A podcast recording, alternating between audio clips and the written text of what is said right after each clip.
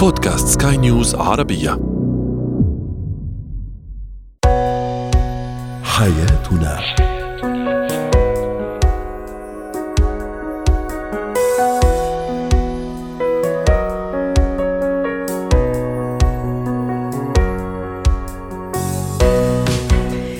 مستمعينا الكرام أهلا بكم معنا. حياتنا فضاؤكم اليومي الذي يعنى بشؤون الأسرة وباقي الشؤون الحياتية الأخرى والذي يمكنكم الاستماع اليه عبر منصة سكاي نيوز عربيه dot com slash podcast وباقي منصات سكاي نيوز العربية الأخرى. شاركونا عبر رقم الواتساب 00971 561 86223 معي أنا آمال شابه اليوم نتحدث عن مستشار العلاقات الزوجية. متى يستدعي الأمر الذهاب إليه والاستعانة به؟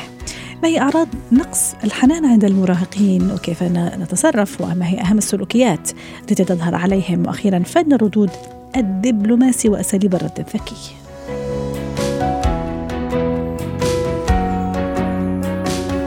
هو وهي. متى يجب أن نحصل على استشارة زوجية وكيف نختار مستشارا في العلاقات الزوجية يكون جيدا. ثم متى يجب أن نتوقف عن طلب الاستشارات بخصوص المشاكل الزوجية من هذا هذا الاستشاري؟ وأخيرا كيف أحقق الفائدة من زيارة الاستشاري للعلاقات الزوجية؟ للحديث عن هذا الموضوع رحبوا معي بالدكتورة كريم إيليا المستشارة النفسية والأسرية ضيفتي العزيزة من بيروت. أهلا وسهلا بالدكتورة كريم. في البعض يمانع وبشدة الذهاب عند استشاري علاقات زوجية وحجج وأسبابه كثيرة يقول لك أنه أنا الأقدر على معرفة مشاكلي وأنا الأقدر على حل مشاكلي.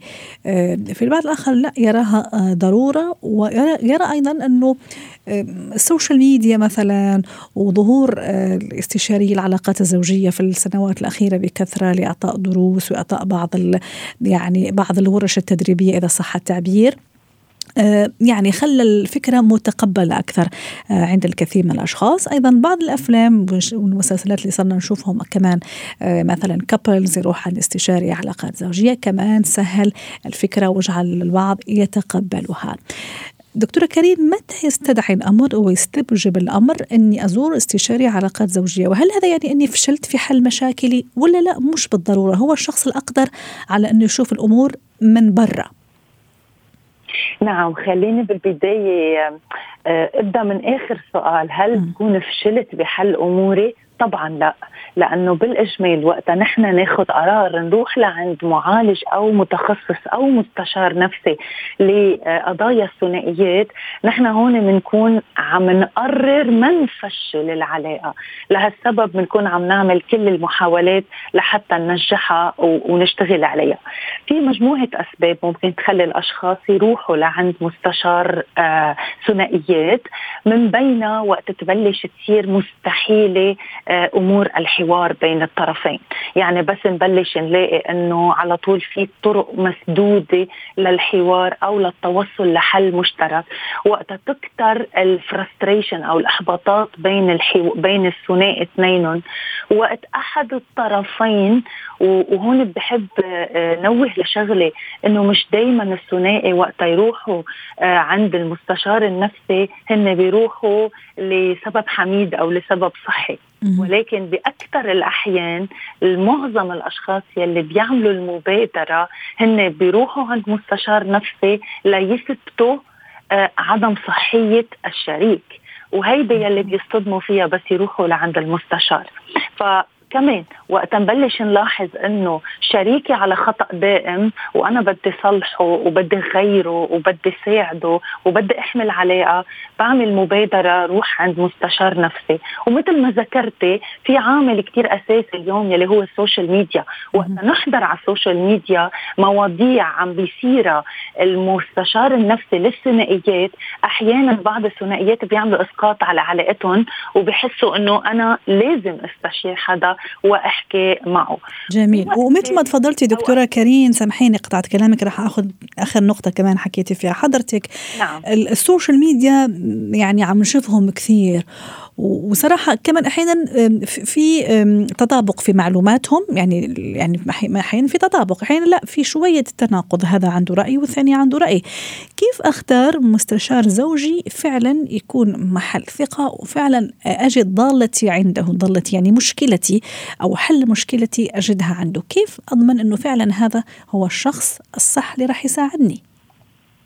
نعم. هلا آه، مثل ما ذكرت كل حدا ممكن يكون عنده رأي لأنه ما بدنا ننسى إنه في قسم كثير كبير من المستشارين الثنائيين عندهم ابروتش أو عندهم خلفية علمية على أساسها بيبنوا أحكامهم. ففي بعض الأشخاص بيبنوا آه، بيبنوا استشاراتهم على تحاليل نفسية في بعضهم على تحاليل سلوكية وغيرها. لهالسبب أحيانا المقاربة بتبقى مختلفة لمعالجة الأمور ضمن الثنائيات. ولكن ببعض الأحيان كمان اختيار المستشار كثير دقيق لأنه في أشخاص بيكونوا آه، درسوا ولكن بعدهم ما عندهم خبرة الأرض وغيرها أيوة. فاختيار المستشار نقطة أساسية كثير مهم إنه يكون عنده اولا خبرة على الأرض. يعني مش يكون مستشار جديد وتحديدا إذا نحن عم نقطع ضمن ثنائي آه، متعسر جدا المستشار يلي أو أو الخبير النفسي أو المعالج النفسي اللي بيشتغل مع الثنائيات إذا كان جديد ما صار له زمان عم يشتغل على الأرض يعني ما عنده خبرة ليقدر يلقط كل جوانب المشاكل الثنائية. فبده يكون عندك حدا عنده خبرة. بهم كثير تعرفي أي مقاربة بتناسبك لأنه أحيانا كثير وقت يروحوا لعند المستشار ويستعمل المقاربة يلي هو بيعتمدها لأنه هي تقنيته أحيانا بيصيروا دفاعيين لأنه ما بيحبوا التقنية ولا المقاربة وبيفكروا إنه هو عم ياخذ طرف أو ميل مع أحد مع مع أحد الشريكين يعني كمان معيار مثلا ال followers اللي عم نشوفهم مثلا بعض المستشارين آه، مستشارين نعم. يعني في العلاقات الزوجية وال couples آه، ممكن مثلا يعتمد على قاعدة جماهيرية كبيرة على followers على أشخاص مثلا معروفين إنه إجوا زاروه نعم، إنه نعم ف هيدي, هيدي منا لازم تكون مرجع أيوة. لنا أيوة. هيدي كثير مهمه تكون مرجع لنا إنه إذا عنده عدد followers أو إذا عنده عدد آه، كثير أشياء آه، وإذا كثير كان ناشط على ال social أيوة. ميديا وبيعمل بروباغندا هيدا هيدا ممكن يكون بالنسبة لنا مضلل. okay؟ كثير مهم نعرف نروح عند الشخص وكثير مهم أكثر مش أول زيارة لعنده. إذا رحنا لعند المستشار زيارتين ثلاثة أربعة ولقينا إنه العلاقة ما في إمكانية لأي مخرج صحي معناتها نحن بالمطرح الغلط فهون كثير مهم يكونوا عم يرجعوا يعيدوا النظر بالخيار تبعهم. هل نحن بالمطرح الصحيح أو مثل ما ذكرتي بمقدمتك هل العلاقة فعلا متعسره لدرجة إنه ما في إمكانية للحلول غير إنه الانفصال نعم. هون في كثير آه، عناصر بدها تدخل بدها أول شيء نضج الثنائي لأنه أيوة. كمان في بعض الثنائيات يلي بيكون عندهم مستوى تعليمي عالي إذا ما بيقدروا يروحوا عند حيلا مستشار إذا كان ما ما ما عبالهم الشق الفكري تبعهم آه، بالمقاربة يلي عم يعتمدها أو بالأسلوب يلي عم بيحاول آه، آه، يجذبهم تيعلقوا بال بال بال نعم. تيعلقوا بالثيرابي ويستفيدوا إنهم يكونوا عم يتعاملوا مع بعضهم بالشكل الصحيح دكتورة كريم عم تمهدي لي حضرتك لموضوع دام حكيتي عن النضج أو نضج الكابل إذا قررت أنا مثلا كزوجة وعارفه أنه بصراحة عارفه أنه المشكلة فيها ها؟ وقررت إني أروح على استشاري علاقات زوجية. هل الواحد لازم يروح لوحده؟ ما دام عارف إن المشكلة فيه ولا لا لازم دائما نروح كابل اثنين حتى وإذا المشكل مش في الطرف الآخر لأنه قد يكون السبب فيه بس يعني مش واضح. الفكرة هل لازم نروح سوية في كل الأحوال ولا لا؟ ممكن قد يروح كل واحد يعني لوحده. أساسا أساسا العلاج العلاج النفسي للثنائي ما بيكون بالاثنين بفرد جلسة كل المرات. ولكن المقارب في بعض المقاربات الأساسية يلي أنا بنتمي لهيدي المدرسة هي إنه بنعمل آه، جلسة فردية لكل شخص وجلسة مشتركة. بالجلسات الفردية نحن بنشتغل مع الأشخاص على تاريخ مشاكلهم ويلي فيها أشياء كثير شخصية ومش ضروري نكون عم نحكي فيها قدام الشريك الآخر. وبس نعمل جلسة مشتركة بنكون عم نشتغل على العلاقة بحد ذاتها على الديناميكية على مشاكل الأشخاص مع بعضهم وعلى طلبات كل شخص من الثاني لنعرف كيف توجيه الطلبات. ونحن دائما بنعتمد من مبدأ المسؤولية مشتركة. نعم. بنبلش نعتبر المسؤولية 50 50 وبعدين بنبلش نشوف مين عليه مسؤولية أكبر تيقدر يحمل المسؤولية. ولكن نحن ما بنوجه له أصابع الاتهام. نحن بنساعده يصير عنده إدراك للشق اللي هو مسؤول عنه ليقدر يكون عم بيساعد المتخصص النفسي ليساعد ليحل مشاكله. دكتورة كريم هل هل يمكن اعتبار أو هل لازم أو ما أعرف يعني نعتبر هالموضوع كثير personal يعني زيارتي أنا والطرف الآخر زوج أو زوجة لاستشاري علاقات زوجية كثير personal ومش من حقه ومش ضروري ومش لازم. يعني الناس تعرف حتى المقربين ولا لا هو أمر عادي تماما كما ممكن واحد يروح يزور طبيب أسنان عنده مشكلة صحية يعالجها فعادي أنا إذا خبرت يعني أصدقاء وأشخاص لأنه هذا يعني خلص صار شيء مفروغ منه. لكن نحن بعلم النفس أو بعلاج النفسي نحن بنقول للأشخاص إنه أنتم عندكم الحق الكامل بالسرية المطلقة بإنكم تكونوا عم تشتغلوا على ذاتكم وما حدا يعرف.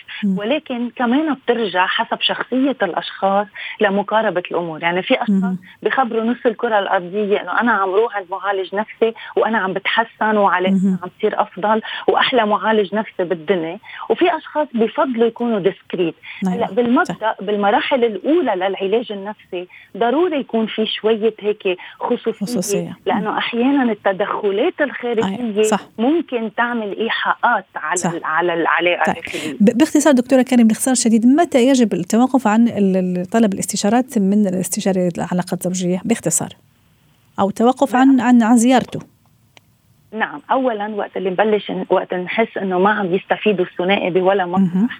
وبمطرح ثاني كثير مهم توقف المعالجة النفسية للثنائي وقت أحد الطرفين يتحول لبارانوياك يعني يبلش يتحول لاتهام المعالج النفسي بإنه عم بيكون طرف وما عم بيفهموا وعم بيتفهم الآخر لأن هون بيصير في بلوكاج وهذا البلوكاج بيمنع الأشخاص. نعم. أو وقت أحد الطرفين ببلش يعتبر نفسه إنه أنا عم روح كرمالك بس أنا ما بني شيء أو, أو إذا حققنا فائدة.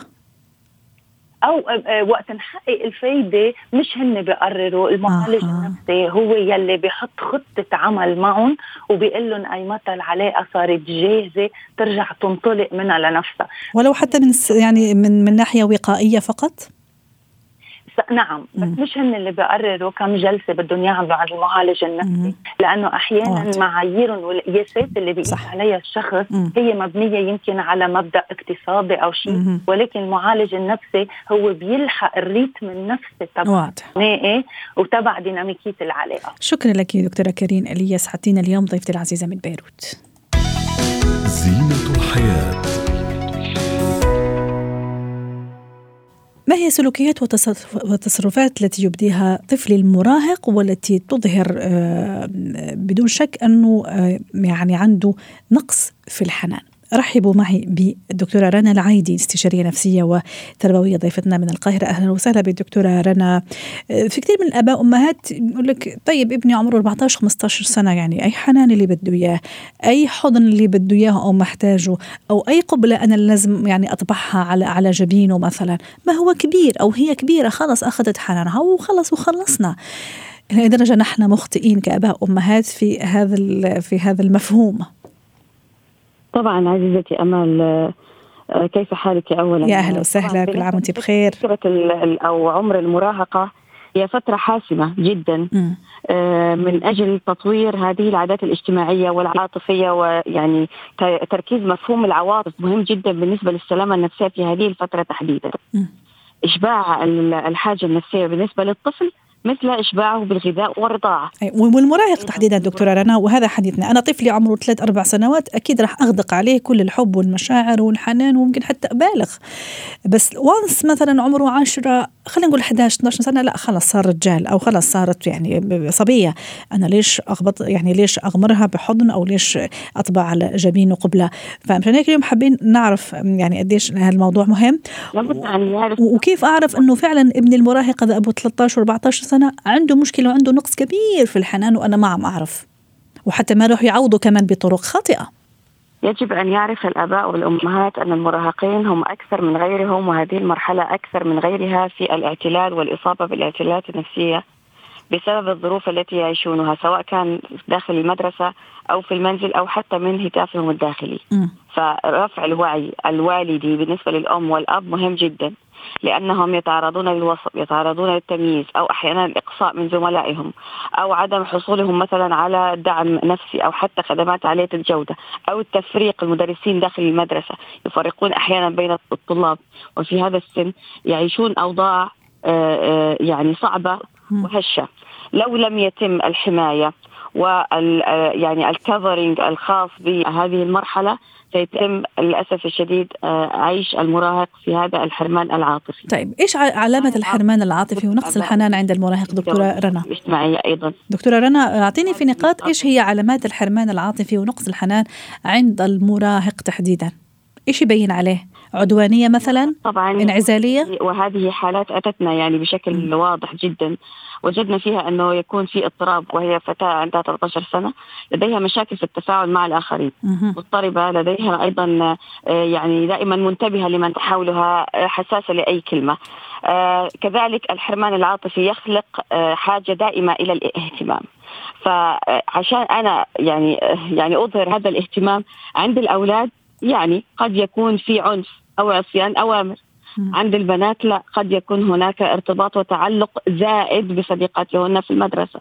يظهرون مثلا سلوكيات غير لائقة. وممكن حتى التعلق بأشخاص خطأ أو اشخاص ما لازم نتعلق فيهم وأشخاص ممكن يشكلوا خطر على بنوتي المراهقة. طبعا لأنه في دخول هذه العلاقات قد تكون البنت نفسها وهذه الحالة أيضا أتحدث بالتركيز سبحان الله. م. العنوان طبعا آه، مناسب جدا لهذا الوقت لأنه يوجد هذه البنت صديقة هذه الفتاة آه، للأسف الشديد كانت تمارس عليها ابتزاز عاطفي. ما هو الابتزاز العاطفي؟ أنها تطلب منها بعض الطلبات تجعلها دائما في خدمتها تجعلها دائما تشعر بالذنب وأيضا الشعور بقله آه، تقدير الذات.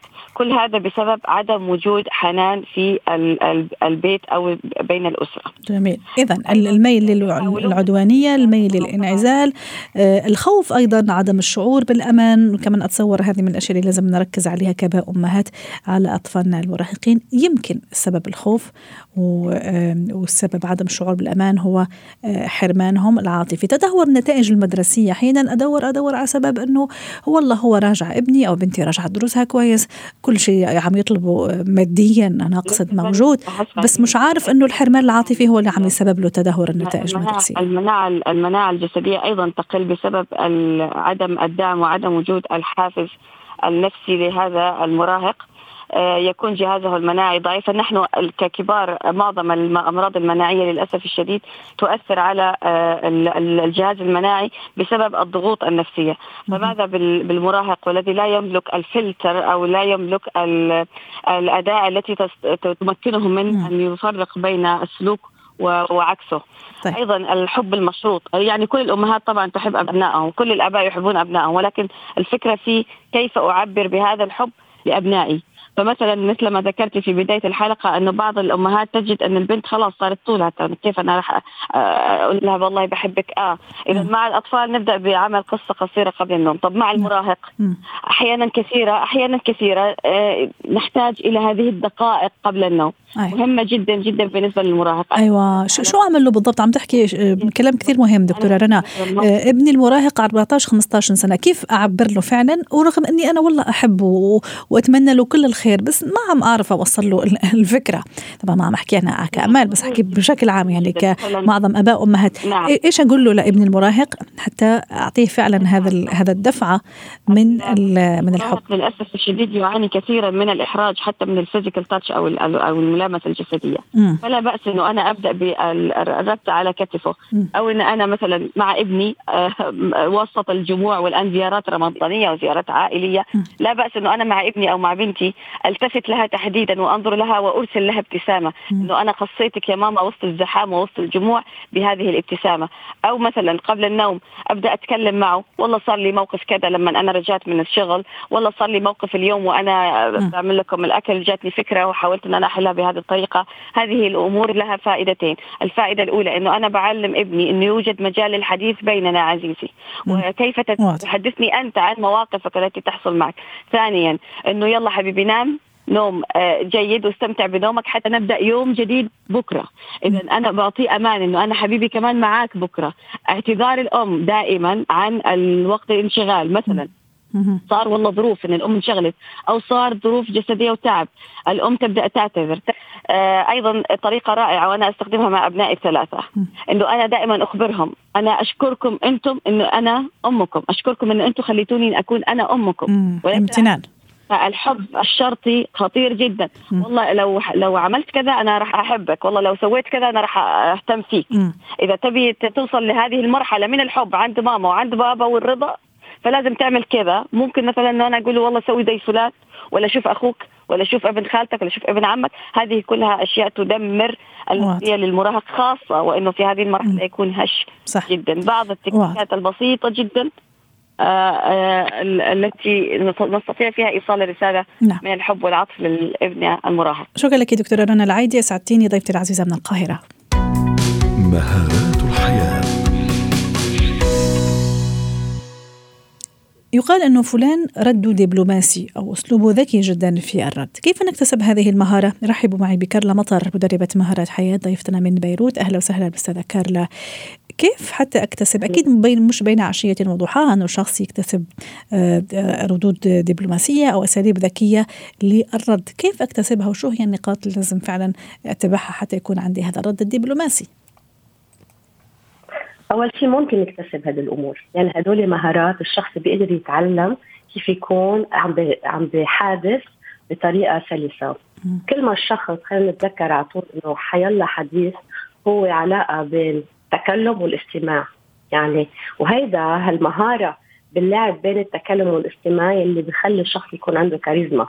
يعني الناس بتتقبل طريقة حديثه وبحبوا الطريقة اللي بيكون عم بيتحدث فيها. خليني أعطيك بعض هيك النقاط السريعة اجمالا عن حيلا احاديث فيها تكون عائلية بالعمل بأمور سياسية بحيلا موضوع.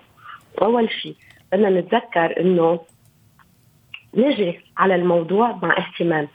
يعني ما في.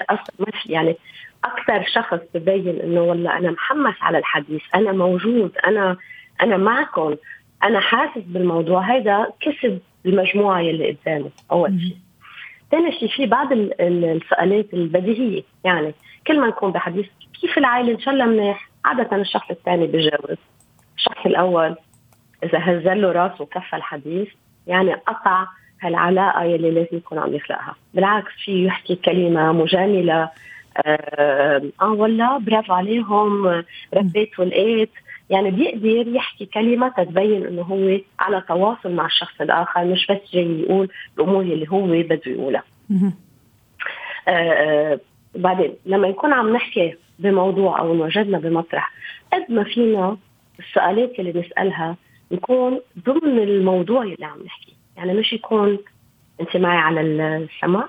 أنا معك طبعا عم اسمعك يعني مش يكون ولا. يعني آه، الموضوع اللي بدنا نطرحه يكون من ضمن الجو أيه. العام اللي نحن نكون قاعدين فيه. بس كارلا كمان الردود مثلا. أنا مثلا عم أحكي معك وعم يعني ناخذ ونجيب في الكلام. بس مثلا طريقة معينة مثلا ما عجبتني. فأضطر إني أرد. أحيانا بعض الأشخاص عندهم فعلا هذا المهارة مهارة الرد الدبلوماسي المحافظة على الهدوء البادي لانجوج تبعهم كمان يكون كثير مدروس. أحيانا يستخدموا كمان شوية التجاهل. حتى فعلا ردهم يكون في محله. أكيد. هدول أشياء بديهية. وهون إذا بدك أهم طريقة الواحد لما بده يكون عم بيجاوب على موضوع يستعمل آه، إذا بدك لغة التوكيد أو الاسرتفنس يعني حديثه يكون في ثقة في طريقة آه، واضحة إنه أنا عارف عن شو عم بحكي. هذه أمور فينا نكون عم نتمرن عليها حتى نقدر نكون عم نوصل لها وفينا آه على طول لما بدنا نجاوب على حدا نبلش مثل ما سؤالك اللي عم تقوليه نبلش بالموافقة على بعض الأمور اللي هو قالها. أه. يعني بدل ما نقول له لا حديثك مش موافق عليه بالعكس. بنسمعه للآخر. ضروري الاستماع كمان هو هو هو بحب يعني صح. يساعد على التناقش. بستمع مضبوط وباخذ الأمور يلي أنا موافقة عليها وبلش فيها الحديث. حتى أعطيه للشخص الآخر إنه أنا معك أنا ماني ضدك. صح. لو كان عندي أمور حتى ما يكون هجومي. من بعدها. طبعا. من ثاني مرحلة ساعتها بقول أنا الأمور يلي أنا وكيف بقول هالأمور يلي أنا مش موافق عليها؟ باستعمال آه الانا يعني. أنا بعتقد إنه الموضوع لازم يتاخذ بهيدي الطريقة بدلا من إنه جاوب أنت حديثك خاطئ. شو عملنا بهذا الموضوع؟ تهجمنا على الشخص. يعني حتى الشخص اللي أمامنا حكينا بهذه الطريقة. حط حاله هو بمركز سؤال. مين أنا؟ ليه عم يتهجم علي أنا كشخص؟ بالعكس بنشيل حيلا موضوع وكل الأسئلة اللي بدنا نحطها أو الأشياء النيجاتيف اللي بدنا نكون عم عم نحطها نرسمها بالموضوع. يعني الخطة اللي طرحتها فيها بعض الإيجابيات بس أنا ملاقى إنه بالخطة في بعض المخاطر يلي ممكن آه، آه، نعاني منها. بدلا من إنه أنت تكبنا على المجهول بهذا واضح واضح. يكون الشخص؟